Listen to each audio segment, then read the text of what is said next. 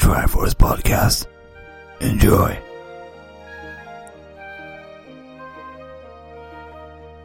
Hej och välkomna till Trekraften Podcast. Det här är en podcast som eh, framförallt kommer handla om spel. Eh, och Andrew heter jag. Med mig har jag min kära bror. Alex heter jag då. Och sen har vi våran tredje kraft i denna trekraft som då är Fabian. Är du där Fabian? Jag är här. Jag är här och redo och jag är ju då sambo med Andrew. Precis. Varför startar vi en podcast utifrån tomma luften? Kan ni kanske fråga er. Ehm, och det är helt enkelt så att när vi träffas allihopa så, så finner vi oss omslutna av långa dis- eh, diskussioner kring spel och om spel. Eh, som vi helt enkelt tänkte att vi kan göra någonting av och dela med oss till, eh, av, till omvärlden. Och tanken med den här äh, podcasten är att kunna involvera era lyssnare och skicka ut frågor och att ni kan skicka respons. Kanske till och med bjuda med någon lyssnare någon gång då och då. Ja, för att liksom vara med och utveckla hela konceptet av vad trekraften är. För vi har ju ändå en grundidé någonstans. Men den kan ju komma och ändras med tiden. I- och med all respons som vi kan få ifrån er lyssnare. Exakt. Så sen får vi ju se helt enkelt vad det blir av hela kalaset. Förhoppningsvis vill ni vara med oss på hela den här resan som vi nu påbörjar. Ska sägas också är det att vi, ingen av oss har ju gjort något liknande tidigare. Nej, Så- vi är helt och hållet amatörmässiga. Vi har äh, aldrig äh, varit aktiva på äh, spelforum. Nej, tyvärr. Vi har bara gömt oss i skuggorna av internet. Jag har ju alltid varit den som börjar skriva ett inlägg för att i sista sekunden sudda bort det. Och dra det tillbaka. Samma sak här. Men jag, jag har ju alltid tyckt att eh, jag har lite intressanta. Vi har alla i alla fall kollat på äh, spelforum och så vidare. Vi har koll på Genom spel hela helt enkelt. Vi har koll på spel. Så här kommer då första avsnittet. I'm Batman.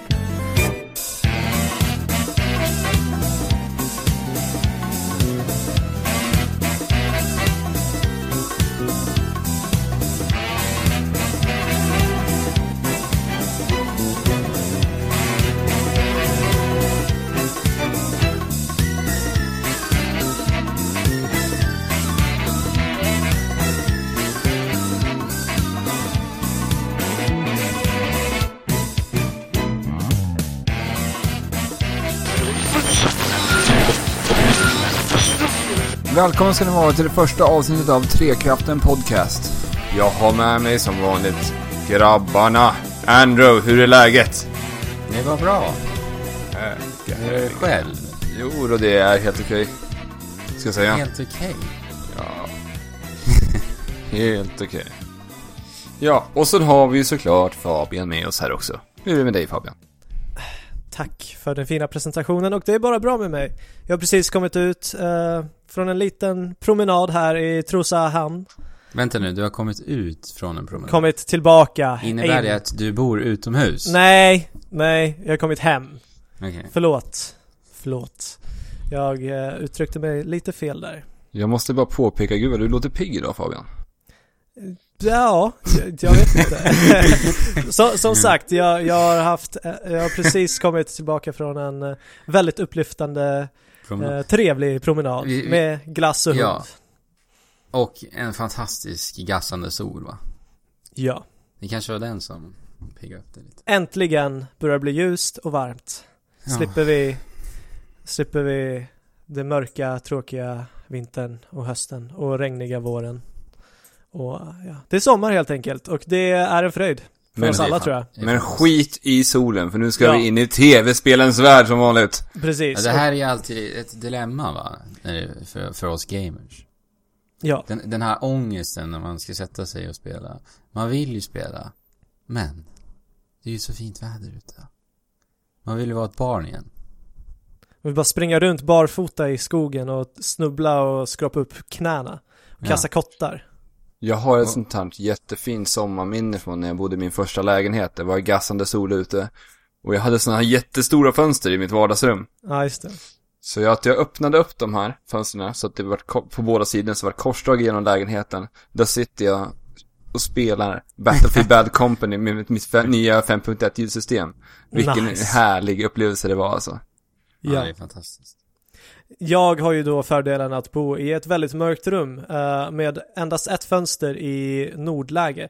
Så att det kommer inte in så mycket ljus och jag kan väldigt lätt ehm, ignorera solen helt och hållet. Ja, för mig är det, jag bor ju verkligen i solen. Jag har två fönster som gassar in sol hela tiden. Så det är...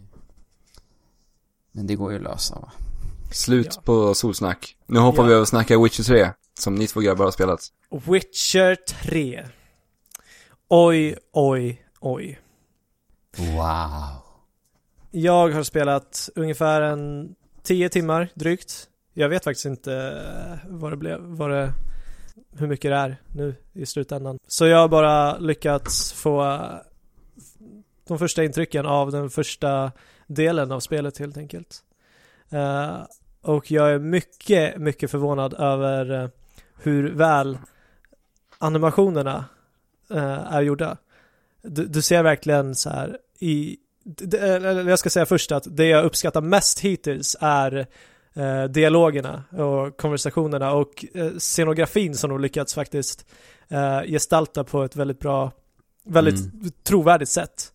Ehm, Och där bidrar ju då animationerna väldigt mycket. ja men precis, alltså det, det, det är ett ansiktsspel som, Ja, det som jag det bästa. aldrig någonsin Bästa. sett tidigare i ett spel. Men det är det bästa jag har sett. Och, och, och rörelser som, som känns så pass eh, naturliga att det Mm. näs, nästan är läskigt. Ja, alltså senast som, jag sa till dig Fabian, senast jag såg, såg den här eh, typen av ansikten där man verkligen ser hur karaktären känner, det var Wind Waker alltså. Ja, Alltså Wind Waker var ju fantastiskt på det sättet med den, med den designen. Ja Just, precis. just det här, eh, Men, men det är ju också ett väldigt uttrycksfullt eh, design från början. Eh, och det, Ja men det är det jag menar. det är en del av, eh, av genialiteten bakom Den designen, den designen. ja. Och nu har vi då lyckats komma till den punkten med den här realistiska grafiken. Ja. Du kan ju berätta lite vad Witcher 3 är för slags spel också. Så våra lyssnare, de lyssnare som inte känner till det här spelet sedan tidigare. Um, vi, sku, skulle vi inte kunna säga att Witcher 3 um, är uh, numera uh, tv-spelens uh, ekvivalens till uh, Game of Thrones? Lite. Ja, det är väl typ en blandning mellan Game of Thrones och Skyrim. Ja, skulle man kunna säga. Ja. Men det, det är väldigt, väldigt storybaserat och det, det utspelar sig i en mörk värld där krig och monster härjar. Um, du, du antar rollen som en witcher som, uh, um, som titeln så fint antyder. Vänta och nu. en witcher, är vad man, är man då en häxa? Kan man ju fråga sig. Eller en häxer. Jag vet inte. Häxare. en häxare kanske du skulle översätta det till på svenska. Men Andrew, vad är en witcher? Ja, Kan Witcher, det är ju... Sprida lite ljus Ja, över det här begreppet. Du får ju rätta mig nu Fabian. Vi kan ju komma fram tillsammans här, jag är inte... Men Witcher är ju... Visst är det Orphans barn? Om jag inte minns helt fel. Uh, Alltså- det, det är ofta det, men det kan, det kan vara vilket barn som helst. Okej, Eh, okej. Det, det, det går rykten om att Witchers um, snor barn för att ehm, Mm. ja, göra dem till Witchers. Men just Geralt var utan föräldrar, minns jag va? Rätt. Eh, det, jag, jag har inte Strunt så samma. überstor koll på Ja. bakgrundshistorien. Men Witchers i alla fall, det är ju barn, eller de då tar unga barn och tränar dem väldigt, väldigt mycket under hela deras uppväxt. Och sen så eh, ger de då de här barnen olika potions. så, så att de genomgår mut- mutationer. Precis. eh, så att de ska få övermänskliga reflexer. Mm. Um, Övermänskliga krafter. Mm, Ja, eh, de, de får eh, tack vare de här eh, mutationerna ehm, en liten svag magisk kraft. De är inte alls lika, star- lika starka som magiker är. Men de har, de har lite lite magisk kraft, så de kan spruta lite eld, de kan manipulera eh, människors tankar, de kan göra force push Mm. i princip. Ja. Och, Ge- eh, genom att göra olika uh, handtecken, Ja, fingertecken. Och under den här processen då, eh, som de går igenom så finns det ju väldigt, väldigt stor eh, majoritet som faktiskt dör då. Ja. Eh, så det är en väldigt liten skara witchers, eller ja, som blir witchers.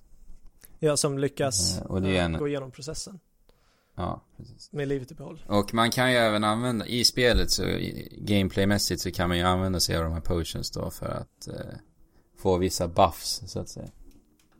Ja, Men precis. om man då överdoserar så, så dör man. Eller dör man, man kanske blir av med liv. Jag har inte riktigt koll på det. Nej, jag vet inte riktigt heller. Men, Jag har aldrig vågat mig över den gränsen. men eh, Witchers eh, funktion är ju då, eller de är eh, Bounty Hunters i princip. Ja, Den här världen är då härjad av monster e- efter, efter att, eh, jag vet inte, gudarna eh, har sett till att mm, mänskliga dimensionen har sammanlänkats med demon dimensionen av något slag. I princip. Jag, jag är Ja. inte, som sagt, de kallar det något conjunctions of the sphere, spheres. Um, och Witchers funktion då är att eh, skydda människor från, eh, från monster. Fast de gör det här alltid, eh, de gör det aldrig gratis. De, kom, Nej, de, de vandrar runt till olika städer som är, eh, där, där monster härjar. Eh, och erbjuder sin hjälp till ett pris. Mm. Så att folks generella uppfattning av Witchers är ganska eh, splittrad. Ja, dels för att, ja men det är de är ju freaks för, för de mesta. Ja, Det är ju det här, alltså det är ju någonting jag älskar med The Witcher. Att, att man, man är ju inte riktigt en hjälte. nej du är verkligen en antihjälte. Ja. Och Man är nå- snarare en antagonist. Och någonting som också i, i hela Witcher-serien eh, är att du, du, du är i en värld där, där det händer en massa politik runt omkring.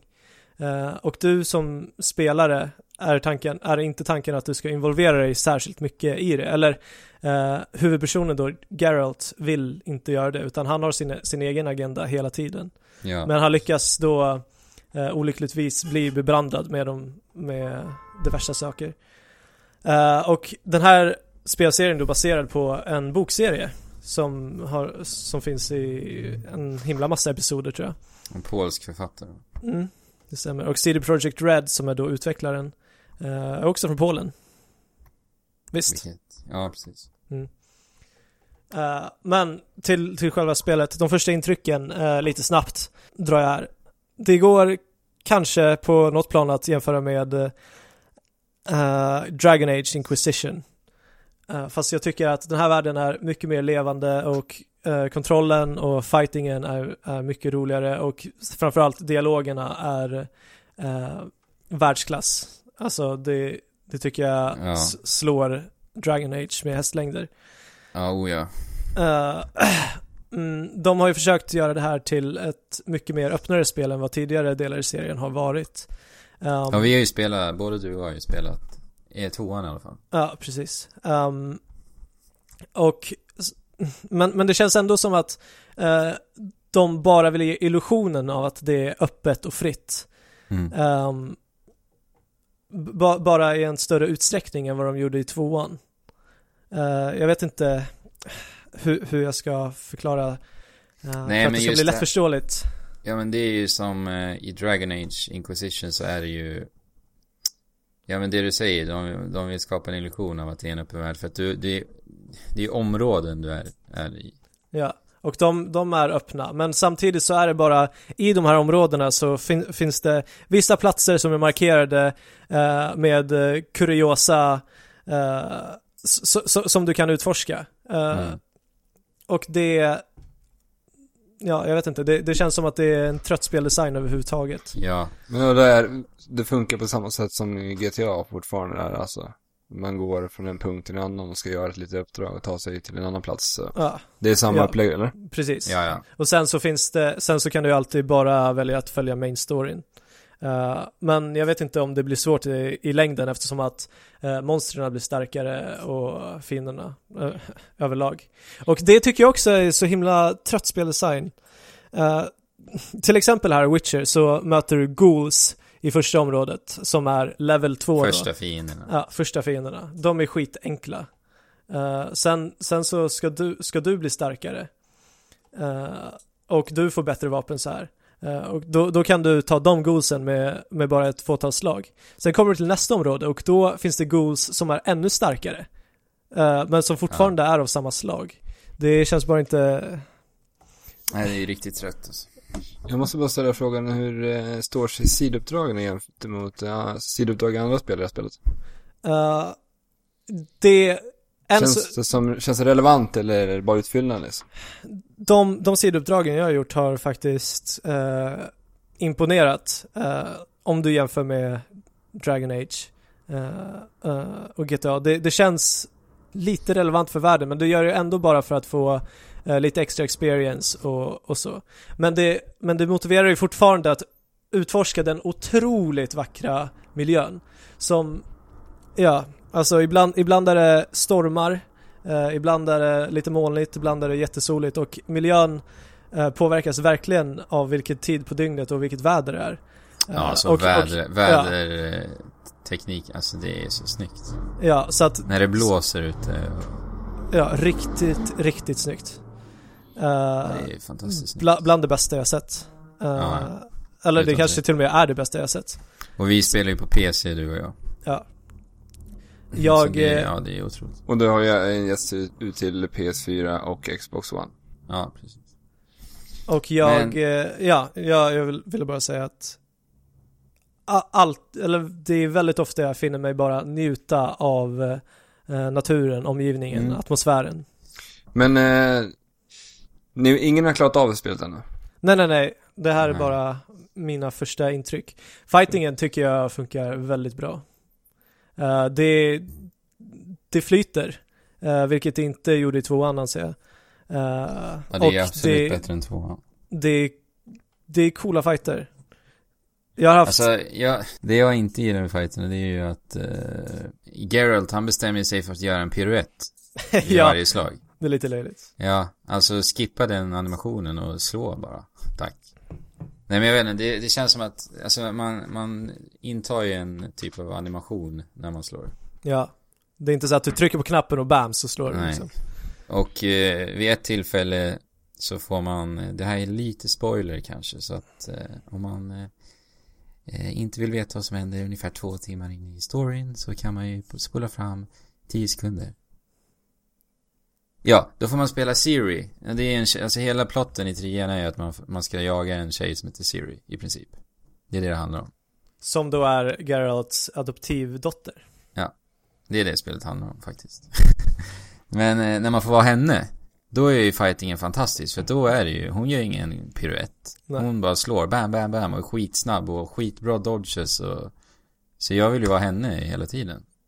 Men, men, men jag, jag känner ändå att, alltså, du, du, får, du får anpassa dig efter det systemet som finns och det är inte svårt att göra. Ja, alltså du, du, förstår, du förstår ju hur, eh, hur Ja. han rör sig och om du inte kan bemästra det så blir du alltid punishad om du gör ett misstag. Eh, och det är bara ditt fel, får jag känslan av, när jag blir skadad. Ja, jag vet inte om jag kan hålla med om det alltså. Jag har inte, alltså första intryck, jag har ju bara spelat eh, sju timmar ungefär. Så då tycker jag oftast inte att det är så faktiskt. Alltså, Ja, ibland, ibland kan det komma fiender från alla håll och kanter, Ja. visst. Eh, och då, jag, jag vill kunna, jag vill ju ref, reflexspela i sådana här spel. Ja. Alltså, det tycker jag inte man kan här riktigt. Men jag tycker fortfarande att det, det är godkänt för att det här spelet är inte eh, stridsbaserat eh, enligt mig. Eller det, det det verkligen skiner i är dialogerna eh, och Ja, ja. scenografin. Eh, manuset, Absolut. rörelserna, animationerna. Men för mig är ju gameplay är extremt viktigt. Och är det någonting jag inte känner mig då kommer jag störa mig på det genom hela. Mm. Men jag, jag håller med dig att eh, berättelsen och dialogerna är fantastiska. Hittills. och det, det är ju eh, verkligen eh, ja, re revolutionerande. Om, om det här spelet kan göra det så bra så tänk dig vart, vad, vi, vad folk kan göra om två år liksom.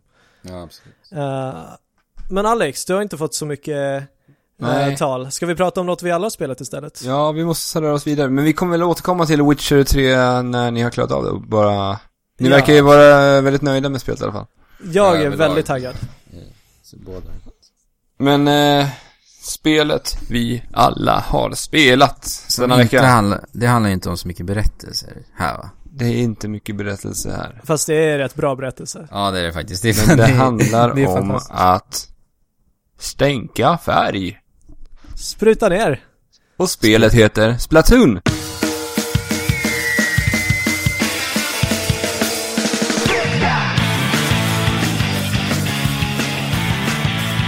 Som kom eh, i fredags förra veckan till eh, Wii U.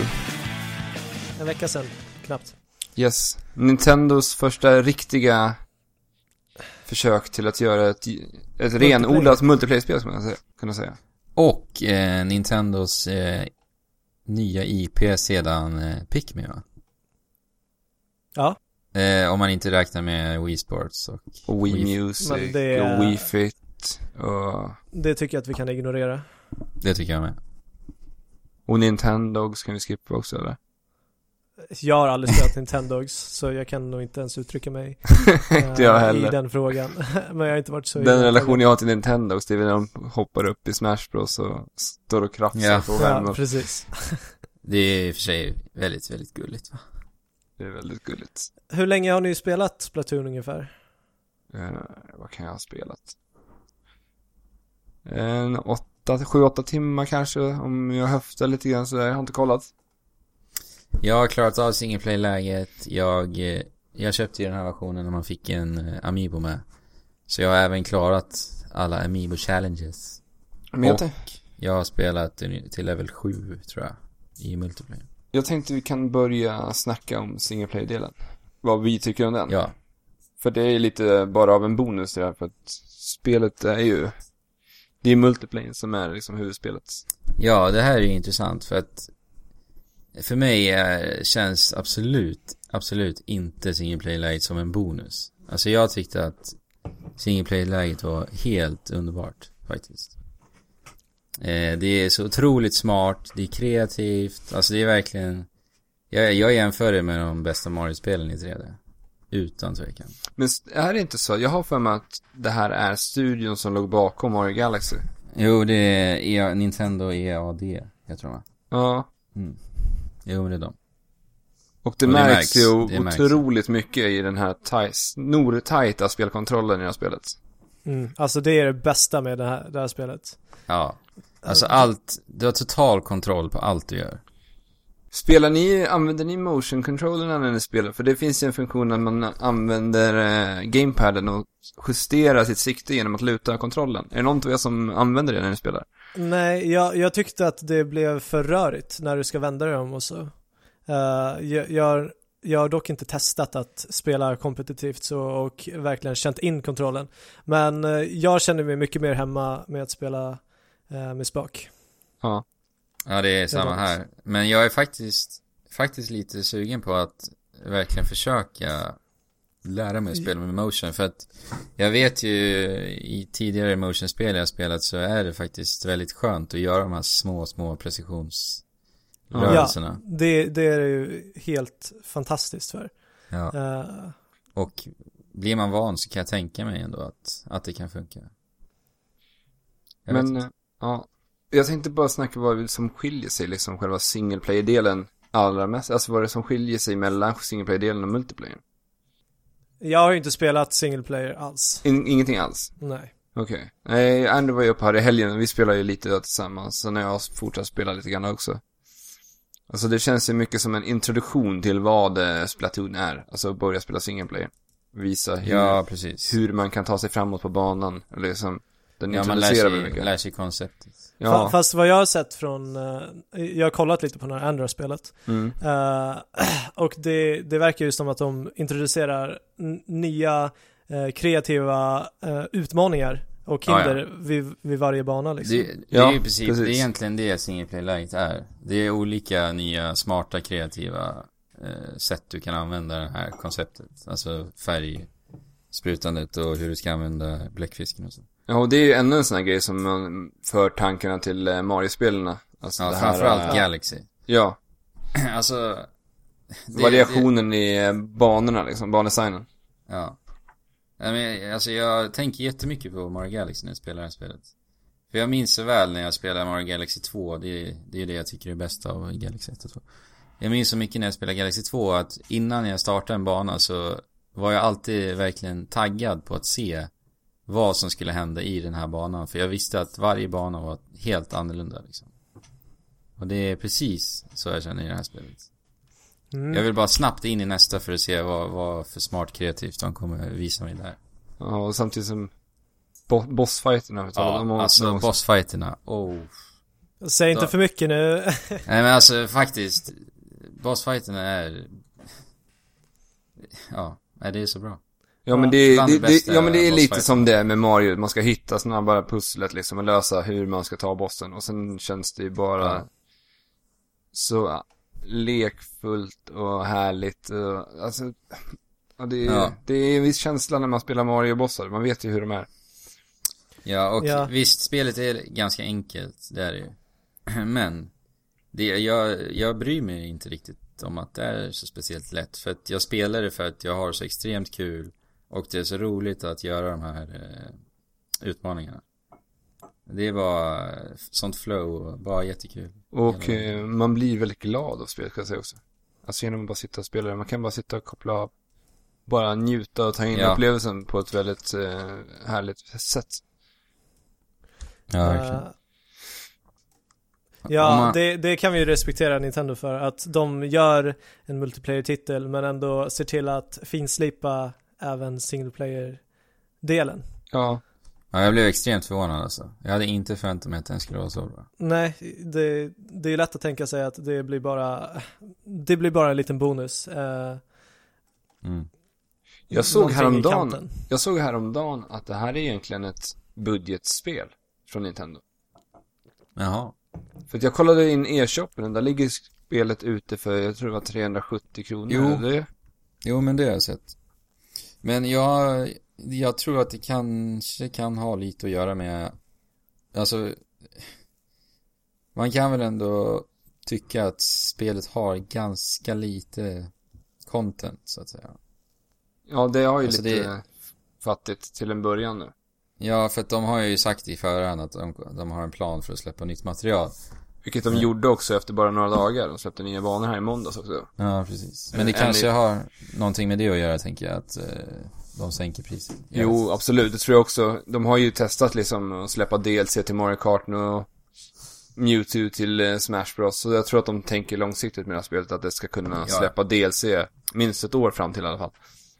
Och man kan ta lite Ja. betalt för det här. Så att, Ja, de har ju tre riktigt bra multiplayer-titlar nu. ja, för att jag tror ändå att Splatoon är ett spel som skulle kunna sälja konsoler också.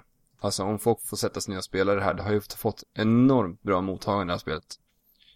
Och många, Ja. många som såg det här förra året när de visade upp det på E3 var ju väldigt skeptiska. Jag bland annat var jätteskeptisk när jag såg det första gångerna. Och det är, det är intressant för att Alltså det Alla som såg det var ju väldigt skeptiska Men när man hörde de som hade spelat det På, på E3 De var ju redan då helt lyriska Jo men så, så var det ju verkligen för mig. Jag var ju skeptisk fram till st- stunden då jag satte mig ner och testade. Eh, och då blev jag den sekunden då jag fi- fick testa och splatta lite och simma lite i mitt eget bläck. Blev jag helt frälst. alltså det är Det är så sjukt spel, konstigt spel alltså. Ja, verkligen konstigt. Men då hoppar vi över direkt och snackar om multiplayer-delen som vi alla har spelat. Ja Vi har Ja. spelat tillsammans lite grann också till och med Ja. Eh, till, till den uh, utsträckningen som det går att spela tillsammans. Ska vi väl säga. Ja Det är ju en liten minus va Vi kan gå ut med på berätta vad eh, spelet har för läge, spelläge nu. Här i en början. De- Det finns två olika lägen att spela i. Mm. Det ena är, vad heter, det heter bara casual va? Eller vad heter det? Nej, Ja, t- Turf reg- War Ja men vad heter, det heter väl när när man Men går in. Ja, väl reg regular. regular battle Ja, regular Ja. battle och då spelar man något- någonting som heter Turf War. Ja. Precis. Turf War har man alltså tre minuter på sig att täcka så mycket färg på banan som möjligt. Precis Alltjämt som du ska försöka hin- förhindra ditt motståndslag att täcka turf. Eh, att täcka land med uh, sitt bläck. Ja Och sen- Genom att skjuta ner dem och kladda ner dem. Och det är fyra mot fyra då Ja. Och sen har vi ju ranked battle också. Där, Det man, har inte jag testat. där spelar man något som heter Splats, Nej, det kom ju nu. någonting som heter Splat Zones. Ja, precis. Har du provat det eller? Nej, jag har inte blivit level 10 än. Okej, okay. men eh, då funkar, det funkar som så att man har två punkter på banan.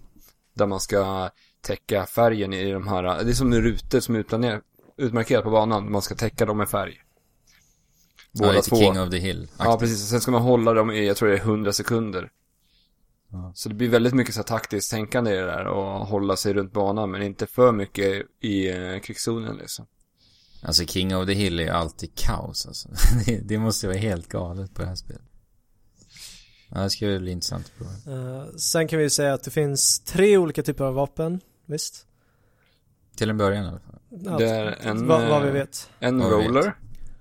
Uh, ja, en roller. Vad, Ja. vad är det för något? alltså, Alltså det är väl egentligen en färgroller som man, eh, Gigantisk. Så- gigantisk färgroller som man drar framför sig.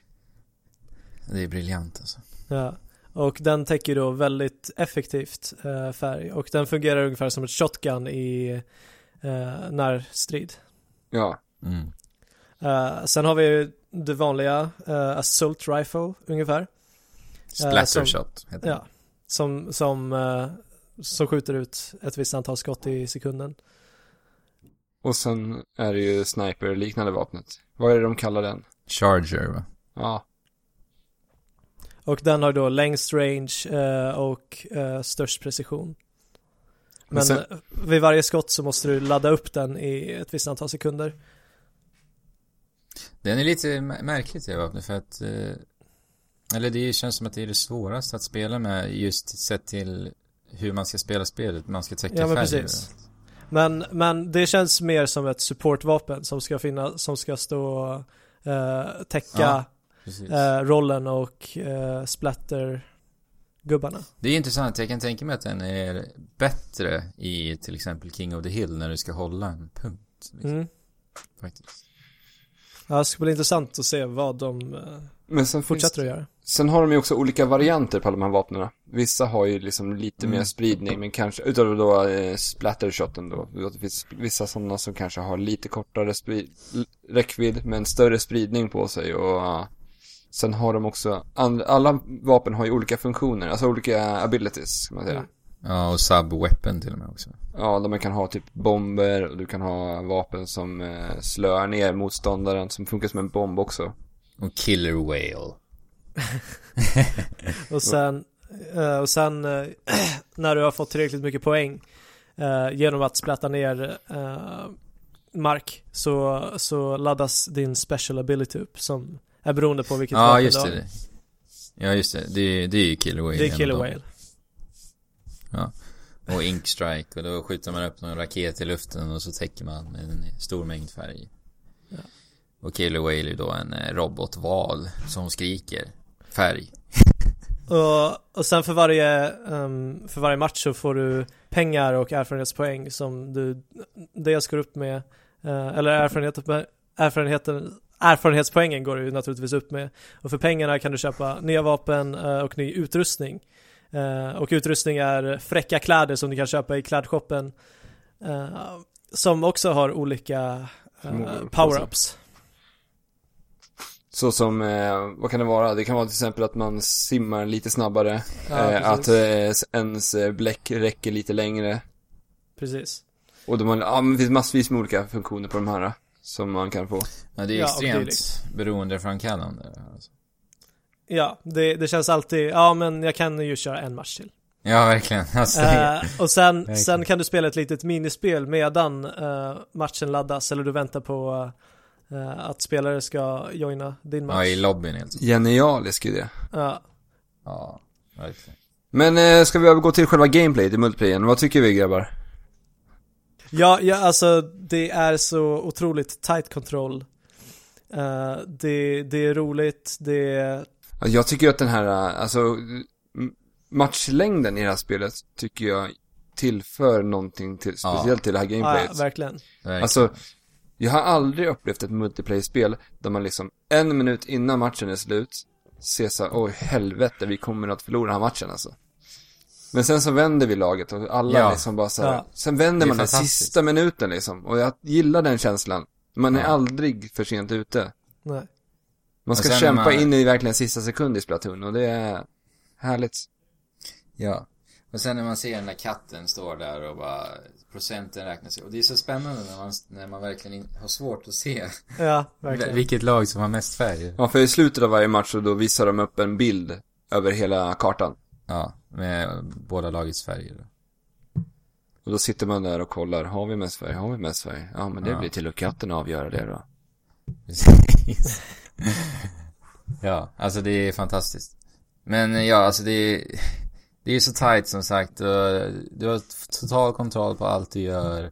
Att bara eh, skjuta, döda någon, spruta lite färg, hoppa ner i färgen, liksom manövrera, hoppa upp.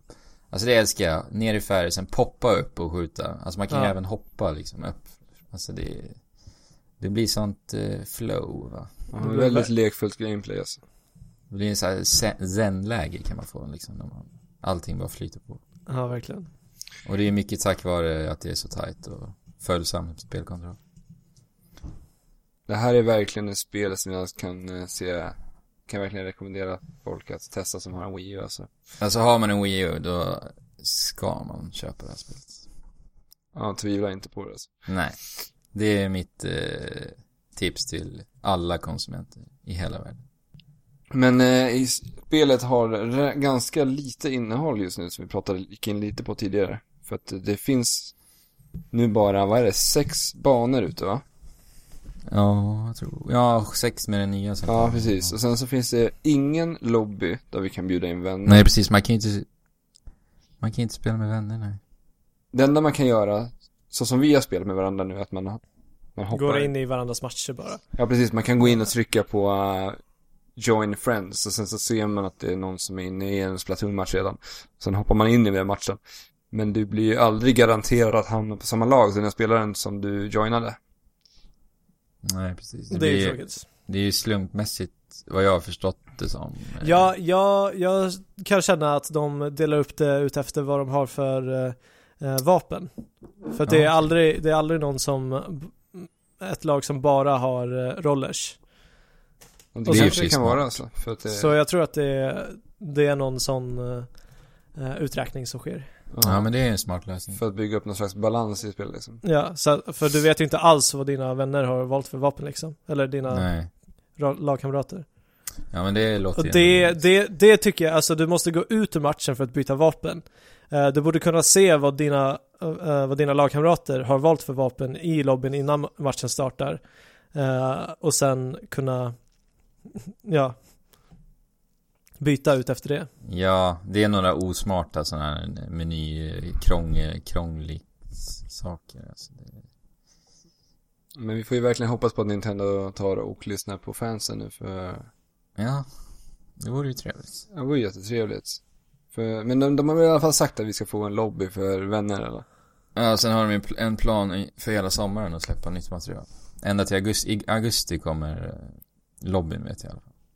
Ja. Så vi får vänta ända till dess. Det känns ju lite tråkigt. Och Men, ni eh, lyssnare kommer att få höra ännu mera om Splatoon i framtida avsnitt. Oh ja. Om vår respons på de nya banorna och så vidare. Expect it.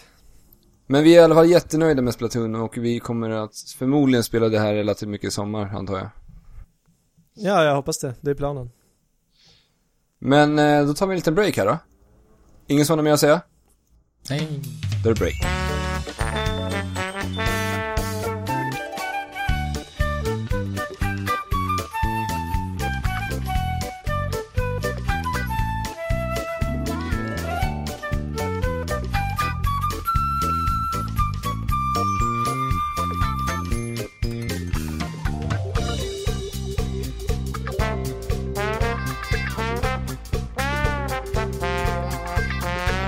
Vilken otrolig melodi! Ja, det, det är som musik för mina öron. Ja. Tänkte jag säga, men det är precis vad det är. Ja. Om det inte där är musik då kan man ju undra vad det där var som vi spelade alldeles nyss. Mhm. Eh, om, det, om det kanske inte var själva definitionen av musik. Kanske musik för dina ögon, skulle jag säga. Ja, Mu- musik, musik, precis. Precis. Gossar. Ja, Heroes of the Storm släpptes här i, eh, i, i, måndags va? Nej, var det då? Var det inte igår? Eller i, i förrgår? tisdags. Andra. I tisdags? Andra juni. Här i veckan i alla fall. Ja. Ja, Heroes of the Storm är eh, Blizzards satsning på uh, Moba-genren. precis. De hade ett eh, väldigt, väldigt mäktigt, verkade det som, eh, release-event för det här. Eh, och det eventet, jag vet inte om ni har sett det, men alltså det, det kan ha varit bland det snyggaste jag har sett. Och att vara där måste varit det mäktigaste, bland de mäktigaste upplevelserna eh, Nej, du kan ha. De, Riktigt, riktigt välgjort. Men ja, som sagt. eh, jag vet inte om vi har nämnt det i tidigare poddavsnitt vad vi har tänkt att göra med det här. Ja, jag, jag är sugen på att testa det i alla fall. Och jag tror att ni alla håller med mig i... Ja, varken jag eller Alex har ju aldrig spelat, provat på ett MOBA-spel så. Nej, jag, jag provade ju LOL en gång. Lite en snabbt. gång. Ja, eh, jag fastnade inte riktigt. Jag tyckte det var, det är så rörigt med Moba-spel för min del. Det är, ja, det tar ju ganska lång tid att komma in i känns det som. Jag har spelat lite LOL och lite Dota 2. Men, eh, men jag kom heller aldrig riktigt in det. det. Det känns som att när varje match är 40 minuter lång liksom. Det, det, och sen så måste du lära dig vid varje match. Det, det är ganska eh, snäv inlärningskurva. Vad jag förstår.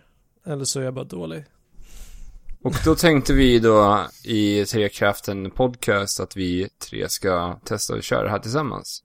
Precis. Ja.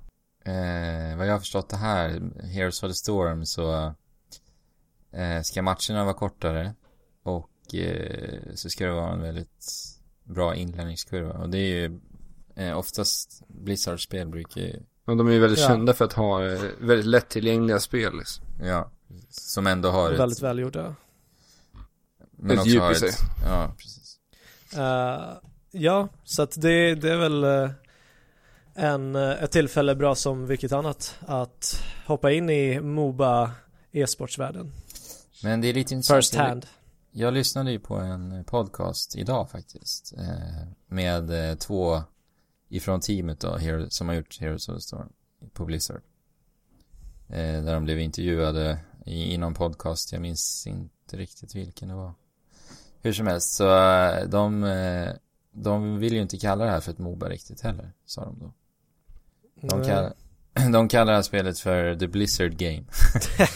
eh, ja, och eh, den största skillnaden då ska vara tydligen att eh, i vanliga Mobas så går du upp i level som en, man väljer väl en hero. Ja, man, man, alltså du får, samlar XP individuellt, varje Precis. karaktär. Och i Ja. det här spelet så samlar Hela XP laget. över hela laget. Mm. Det Exakt. är den stora skillnaden. Det ska vara ja, precis. Det var det de sa också. Så. Och då, eh, ja, det blev en helt annan typ av strategi då. Ja. Ja, Jag vet ju knappt hur sådana spel fungerar. liksom, Nej, så att precis. det, men det är det som ska bli kul när vi ska testa det här. ja, det ska bli riktigt spännande. Och om det är någon av er lyssnare som har lust att vilja vara med oss så är det bara att höra av oss på, till eh, våra mail. Trekraftenpodd at gmail.com va? Ja, Ja, det stämmer. Eh, och ni, eh, den här som känner sig manad, eh, behöver inte vara ett proffs. men vi, vi är ju tacksamma om det finns någon som kanske kan lära upp oss. Eller någon som vill bli krossad. Med oss. Ja, precis. Vi, För vi kommer ju åka på stryk. det kommer vi, i vilket fall. Och vi kommer på åka på hårt stryk också. Vi kommer bli totalt förintade. förnedrade. Förnedrade dessutom. Så vi återkommer till det här. Mm. Ja, Vi kanske kan sätta upp stream när vi börjar. Det ska vi kanske kunna Oh, fixa ja. också. Eh, nyheter den här veckan. Har det hänt någonting på nyhetsfronten? Ehm, det var igår va, som Fallout 4 utannonserades. Ja, Mm. Vad, de har la upp någon... Eh, ja, jag såg trailern. ja alltså. Har du spelat eh, Fallout innan Fabian? Jag har spelat Fallout 3 eh, och varit lite, och inne och klickat lite på Fallout 1 och 2. Men inte spelat dem Okej. i sin helhet alls. Men Fallout 3 uh, gillade jag väldigt starkt. Eh, inte, det, det ligger mig inte jättevarmt om hjärtat men det var ett kul spel liksom. Det, i, i Bethesda-stil liksom. Men jag har inte spelat någon Fallout förut. Alltså det är Inte alls. jättemärkligt för att alltså, alltså hela den här settingen, den postapokalyptiska är ju någonting som tilltalar mig otroligt mycket inom populärkulturen liksom. När det Mm. kommer till filmer och allting så är det någonting jag verkligen såhär, ah, det här älskar jag. Så att det är väldigt märkligt att jag inte har spelat Fallout. Det är ju ett ganska omfattande spel att ta till sig. Det är det också jag känner för att, Det är väl Ja. lite därför du inte riktigt vågar ta dig in i The Witcher heller. Ja precis, för att jag känner att jag har inte riktigt den tiden just nu att lägga ner så många timmar på spel. Ja. Så jag gillar lite, jag vill ha lite mer kortare, Lättillgängliga upplevelser. ja. Men, eh, något... Men vad tror du om Fallout 4 då? Är du sugen? Ja, jag är, sy- jag är nyfiken alltså. Just för Ja. settingen Ja, det är tilltalar samma mig. för mig. Jag- Tillta- det- settingen tilltalar mig något oerhört alltså. Alltså jag Eh, tänker, jag tänker mig liksom eh, The Road som spel liksom. Det jag tänkte mest på eh, i den här trailern var att det finns mycket, mycket mer färger, vilket jag, jag uppskattar och omfamnar väldigt mycket. För Fallout 3 var väldigt, väldigt mörkt, grått, brunt. Eh, Ja, det var väl inte speciellt snyggt alls. Inte Nej. ens för den tiden, vill jag minnas. nej, men det var ju också så stort, eh, så att det, det kan du ha Ja. överseende med. Jo. Men, Nej, Jag har inte heller spelat något Fallout. Varken ett, två eller tre. Men jag tänkte på den här hunden som springer runt i den här trailern. mm, I tidigare spel har man haft en hund där också som har varit, haft någon så här större betydande roll för spelupplevelsen liksom. Eh, nej, inte, inte egentligen. Det, det här spelet ska ju vara ganska eh, öppet och du, du ska utforma din karaktär lite hur du vill och eh, ha de medföljare som, som du vill. Men den här hunden har ju följt med eh, sen Fall, Fallout 3 i i mellansekvenser och trailers och så. Och det verkar som att det här okej. eh, tar plats precis där Fallout 3 slutar. För att alltså en- enligt eh, trailern så uppfattar jag det som att den här hunden kommer att få en större roll innan, till nästa Fallout 4. Ja, det, det, det antyder de ju absolut. Men vä- att- vänta nu, vad sa du Fabian? Ska det här utspela sig direkt efter Nej, jag vet trean? inte. Jaha, Eh, ja. eh, men, men den här trailern, alltså det, det slutar Fallout 3 slutar med att du, du går, du, du ser ungefär sådär ut eh, mot en solnedgång i samma anda. Men sen så, Aha, det, ja, men okej. det, det kommer förmodligen, du kommer förmodligen eh, vakna upp i ett volt. eh, ja. ja, och Hela den uppbyggnaden har jag alltid tyckt låter så intressant. Mm. Ja, och komma ut och se världen när du inte vet vad du har Ja, precis. dig. Han är väl uppväxt i The Vault, så att säga. Ja, i, i trean är det så i alla fall. Du, du, du lär dig att spelmekaniken eh, genom hans uppväxt. Du börjar när han är bebis här och får se din mamma och grejer och då får du lära dig gå typ. Eh, Mm. Och sen så får du lära dig att skjuta råttor med, eh, med ett luftgevär typ. Och sen så, sen så kommer du ut efter en katastrof. Ja, nej, jag kommer inte ihåg faktiskt.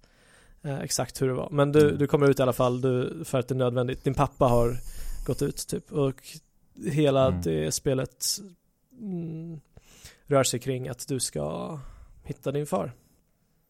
Men är Men kommer- Fallout Är Fallout eh, Elder Scrolls i postapokalyps? Eller är det någonting som gör det unikt på något annat? Uh, det, det är nog eh, väldigt mycket uh, Elder Scrolls eh, i en modern tappning. Eller en postapokalyptisk tappning. ja, det var nog lite därför jag skippade Fallout 3 faktiskt. För Fast det är ju jag- mycket, alltså det är ju hur annorlunda som helst för, att det finns, eh, ja, det säger sig självt. Det är skillnad på att kasta magier eh, och slåss med svärd ja. och att skjuta med sjuka vapen liksom. Eh, och men, men jag vet inte, i Fallout 3 så fick jag i alla fall en, en känsla av hopplöshet, att allting var så himla eh, svårt till en början. Alltså du, du, du börjar med ingenting. Eh, men sen eftersom du, allt eftersom du blir eh, starkare och lär dig hur världen fungerar så samlar du ihop lite pengar som, som gör att du kan röra dig lite mer fritt. Mm. Typ. Men eh, vi ser fram emot Fallout 4 verkar det som. Ja, Och vi, eh, alltså, det ska bli spännande i alla fall. ja och det sen här, vi- vi, det här blir ju utannonserat nu. Eh, och det är ju E3. Om två veckor. Befesta ska ju ha en... Ja precis, och Befesta slår ju igång hela E3 den 15. Ja, just det, för Bethesda har en alldeles egen presskonferens i år på Mm. E3 också. Precis, att, Det känns ju lite småmärkligt kan jag tycka att liksom man utannonserar det här stora spelet innan E3. När man faktiskt Ja. i år också har en egen presskonferens. Fast de, de, de kommer, måste ju, ändå... de kommer introducera Fallout 4 mycket mer och förmodligen eh, Ja, men jag undrar om de inte sitter på en annan större titel som Ja, kommer lär ha göra, ännu, mera shock value liksom i sig. vi vet ju att vi kommer få se Doom i alla fall. Ja, verkligen. Doom 4 kommer de ju visa. Fan vad tråkigt. Ja, Alltså vilket trött. Ah. Men jag hoppas jättemycket på att de kommer visa Dishonored 2 faktiskt. mm. Det har det ju varit rykten om. Ja. Ganska Det länge här florerat också. Ja, det känns ju som att det ändå är på tiden. Det var väl 2012 Dishonored släpptes? Ja, något sånt va? Ja, det sålde jag har ingen ju koll. bra också. Så. Ja men det var intressant uh, spelmekanik i det. Ja, verkligen. Eh, ja. Uncharted eh, Collection blev utannonserad idag. Ja. Så att då- för er som eh, inte har haft en PS3 men nu har eh, investerat i en PS4 eh, och har varit sugen på Uncharted-serien kommer kunna spela eh, alla delar innan del 4 släpps. Del, Ja, så det är del 1, 2 och 3 då. Jag blir, så, jag blir så trött på det här alltså. Utan de här reboots, Ja. remakes hit och dit. Alltså Men- det här är... Återsläpperna. Och jag tänker på det som du sa till mig förra veckan ändå. Det här ut, uttalanden som Sony hade gjort. Ja. Vad, alltså- vad var det de sa? Att de inte hade någon spel i år. Vi har inte så många... Eh, ja, vi har inte så många egna Ja, spel. visst det. år. Nähä. Hade de gått ut och sagt. Sen så utannonserade det här en vecka senare. Jag är så jävla trött alltså. Alltså, jag förstår ju ändå den men här utannonseringen. Precis, för som, som jag nyss sa, det är många som inte hade PS3 men som nu har PS4. Ja. Och eh, Uncharted 4 kommer i höst så att... Eh, Ja. Eller vad säger jag, i vår, nästa år. Så att eh, på det sättet så är det ju ändå förståeligt. Ja, det är ändå bra spel måste jag ändå säga. Uncharted. Ja, det kommer ju vara 1080p, 60 fps så det är väl lite lenare, lite finare. Ja. Det är ingenting jag kommer köpa eller spela. Nej, alltså Uncharted det är ju inga spel man direkt, eller inte jag i alla fall. Jag vill Det är spela my- igen. Mysiga eh, äventyr. Ja, Matinéäventyr. precis. Men eh, E3 om, eh, vad är det, två veckor, en och en halv vecka? Det Ja, är ja. så nära alltså. Ja, det är så nära och det här är ju gamers lilla julafton. Oh ja. Ja. Så vi längtar. Eh, jag tänkte bara så här. Vad, har ni några så här riktigt, riktigt stora önskningar och drömmar vad som skulle kunna utannonseras? Det kan vara liksom vad som helst. Andrew. När ska jag få ett nytt Metroid alltså? ja, jag tänkte det direkt också. Alltså, jag gråter. Nej men alltså, eh, det är konstigt för att jag älskar Metroid-serien. Eh, Men jag har faktiskt inte spelat Other M. Och det var faktiskt... Men det är väl Prime du gillar mest? Ja, Metroid Prime. Det är ett av mina absoluta favoritspel. Mm, fantastiska spel. Ja. Men jag spelade aldrig Other M och det var väl lite för att jag var inne i den här achievement-träsket just då. Alex, du vet ju hur jag var. Ja. Eh, Mm. Så det är... Men det var väl ändå ganska länge sedan det släpptes också? Ja, det måste vara typ, eh, ja gud. Alltså det är fem år sedan, minst. Ja, det är det minst. Men det var ju Team Ninja som eh, gjorde en ny tolkning på eh, Metroid. Ja. Eh, så att det, det är ju inte upplagt som Prime är, utan det är väl snarare ehm, Alltså det verkade Lite. 2 2,5D. Ja men det var också Super. 3D-spel, men jag, vet, jag, har Ja. jag har inte heller spelat det spel, jag har bara sett jag liksom. heller. Och det är konstigt som sagt i och med att jag tycker om serien så mycket men det var någonting jag inte, som inte riktigt stämde för mig. Så jag, jag vill bara ha ett nytt Metroid, det spelar ingen roll. Men vadå, du vill bara ha ett nytt Metroid? Det- Det kan vara som de gamla, eller är det någonting mer så här. äh, Någonting du tycker liksom kan tillföra spelserien som du rent spontant tänker på så här. Alltså det är svårt att säga. Ja, ja. Alltså skulle du vara taggad om det kom typ Other M? Ja, jo, det tror jag faktiskt. Om det ser bra ut så ja. Jag skulle, ja. Alltså det, det måste ju såklart se bra ut. Annars skulle jag inte vara taggad. Men Det alltså, ja. ett nytt med Prime skulle jag bli överlycklig över också. Till Wii U då. Det hade varit riktigt kul att se hur de skulle kunna använda gamepadet. I och med att man är ett första persons då så kan man ju använda visirer på intressant sätt kan jag tänka mig. Ja, typ hålla, hålla upp gamepaden när du ska scanna, kanske.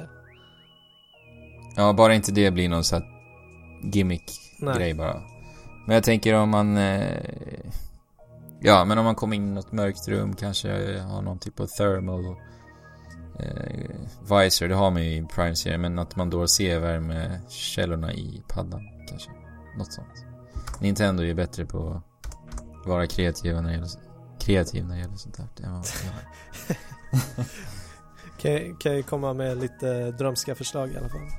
Ja, jag, vet- jag kan inte komma på någonting sådär direkt, men eh, jag tror att det kan vara intressant. Men ett nytt Metroid i alla fall. Ja. Som du vill... Alltså tänka då gråter jag. Då gråter du. Då börjar jag gråta. Då går han upp till tårar. Då sprängs Ja. han. Alltså... Ja, jag sprängs. Just det, det är du som gråter för det. Och du som sprängs. Ja. Vad är du då, Alex? Det visar väl sig. När mitt spel lanseras. Ja, men vad, vad är... Vad, för din del Alex, vad är du? Alltså det här är något som man vet jag aldrig kommer att få. Men skulle jag få det så skulle det... Jag tror att idén känns... Kän, den känns i mitt huvud så jäkla perfekt. Och det är alltså om man skulle ta Mario Kart. Och sen kör du en crossover med Mario Galaxy. Mm. Och jag tänker liksom... Och du har en större öppen värld. Där du liksom kan åka runt med bilen. Du kan ha, spela olika karaktärer. Alla olika karaktärer har olika förmågor. Tänk er liksom eh, Super Mario Bros 2 3D World. Att Mm, Luigi han hoppar högre. Toad han springer snabbare. Så du kan ta dig runt med bilen, hoppa ur bilen och det blir ett plattformsspel. Så att istället för att liksom låsa upp bilar genom att köra race. Så ska du åka runt den här öppna världen och du kanske har Säg att du har ett hopp upp med ett berg där du måste liksom ta dig upp. Då kanske du väljer att hoppa med bilen så kan du hoppa ut med din eh, med Luigi som hoppar högst och sen på så sätt tar du upp till den ytan och där uppe hittar du en ny bil som du låser upp genom att gå fram till den och och att man liksom implementerar plattformandet och kartspelandet fast samtidigt ska man ha båda delarna så man ska ha fortfarande gamla standard racer från Mario Kart men man ska också ha ett plattformsäventyr i samma spel. Det låter ju för bra för att vara sant. I en open world. I en open world. Ja, men då tänker jag... Då måste det ju nästan vara så att du direkt kan få tillbaka din bil när du vill. Ja men det ska ju vara så, det ska ju inte vara att den försvinner utan det ska ju alltid precis. kunna gå Men och det ska få inte tillbaka. Då... Jo men tänk dig Diddy Ja. Kong Racing typ fast uh, Ja precis, alltså. Diddy Kong Racing som den har i den eh, världen, alltså där man väljer banorna så att säga. Ja.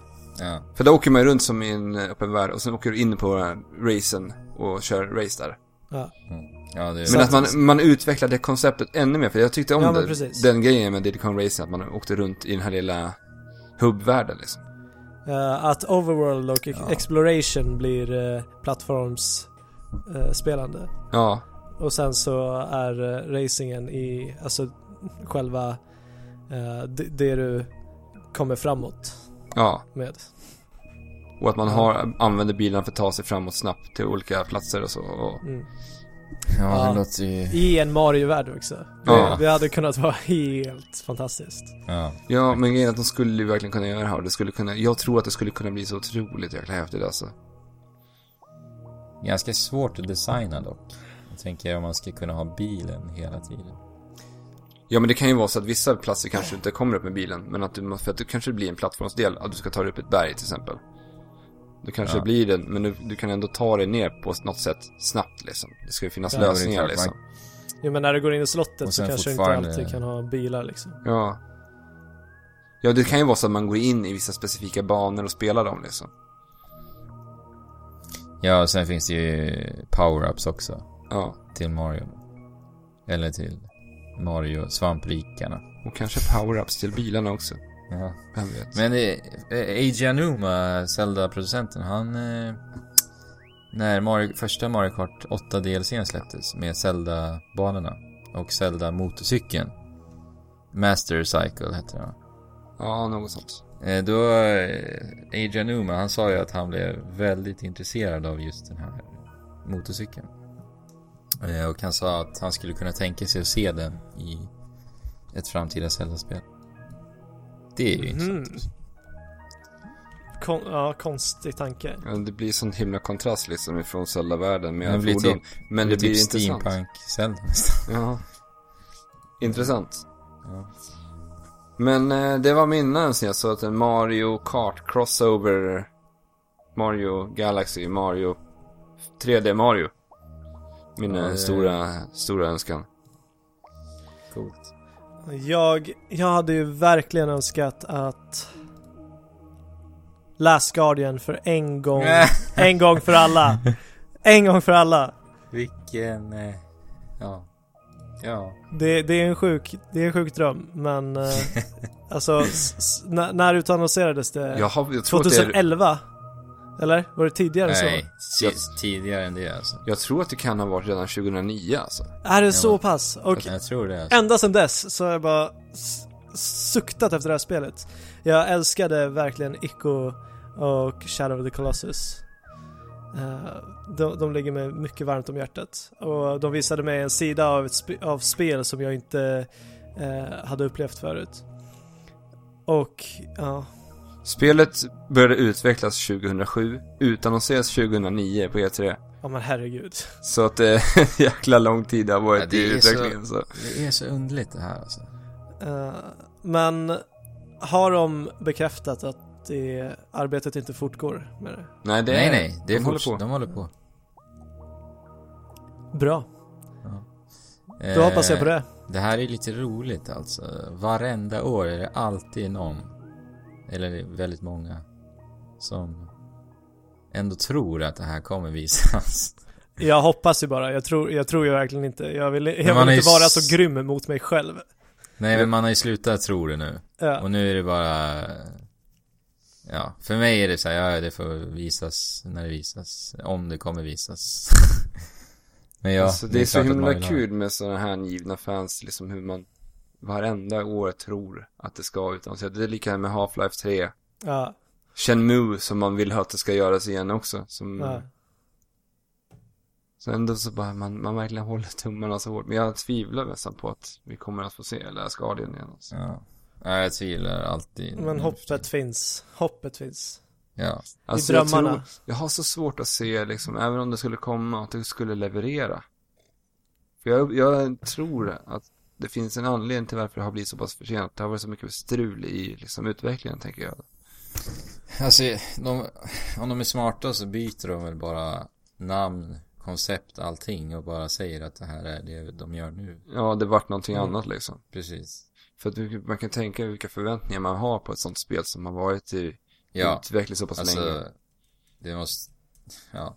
Den Som, eh, hypen alltså, det är, Ja men det är precis som det hände med, vad heter de, Silicon Knights va? Som gjorde To Human. ja. Ja, just det. Också en sån här, när det släpptes. Totalsågat liksom. Men det, Team Ico är ju en kompetent studio. Eh, och det, jag vet inte. Eh, jag, jag tror inte att de bara vill släppa någonting halvdant och därför har det blivit så här. Men Eh. studion har ju också förändrats ganska mycket. Ja, Ja, precis. Så vi vet ju inte vad Team Ico är idag jämfört Nej. med vad de var när de släppte Shadow självklart Colossus. inte. Eftersom att de har ju faktiskt inte visat upp någonting på, inte ens på förra generationen. Det är ju Playstation 2 senast liksom. Ja. Eh, Så vi får ju hoppas att de har följt med i utvecklingen här nu va? Att de har greppat. Ja. Ja. Det gör jag. Men eh, vi börjar bli ganska klara för den här veckan. Och riktigt taggade på E E3.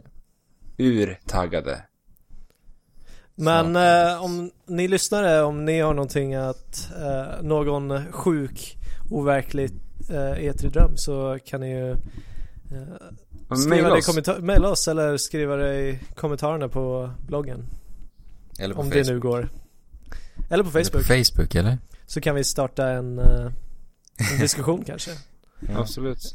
Och dela varandras drömmar och idéer. För snart är det dags eh, för... eh, Ja... Electronic Expo. Vad heter det så? Electronic Entertainment Entertainment Expo. Expo, ja. The Triple E. Triple E. Ja, just det, det är det Årets höjdpunkt. Ja. Men, eh, ja. Vi hörs nästa vecka, gott folk. Ha det fint. Ha det bra. Hej svejs. Hej. Hej.